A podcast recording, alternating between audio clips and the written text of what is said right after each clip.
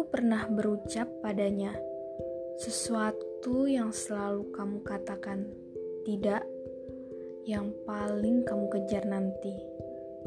Iya, ini nyatanya. Aku tidak akan pernah berkata lagi, "Aku lebih baik darinya." Tapi aku akan berkata, "Ini sudah yang terbaik menurut Tuhan." Aku harus istirahat. Aku perlu istirahat.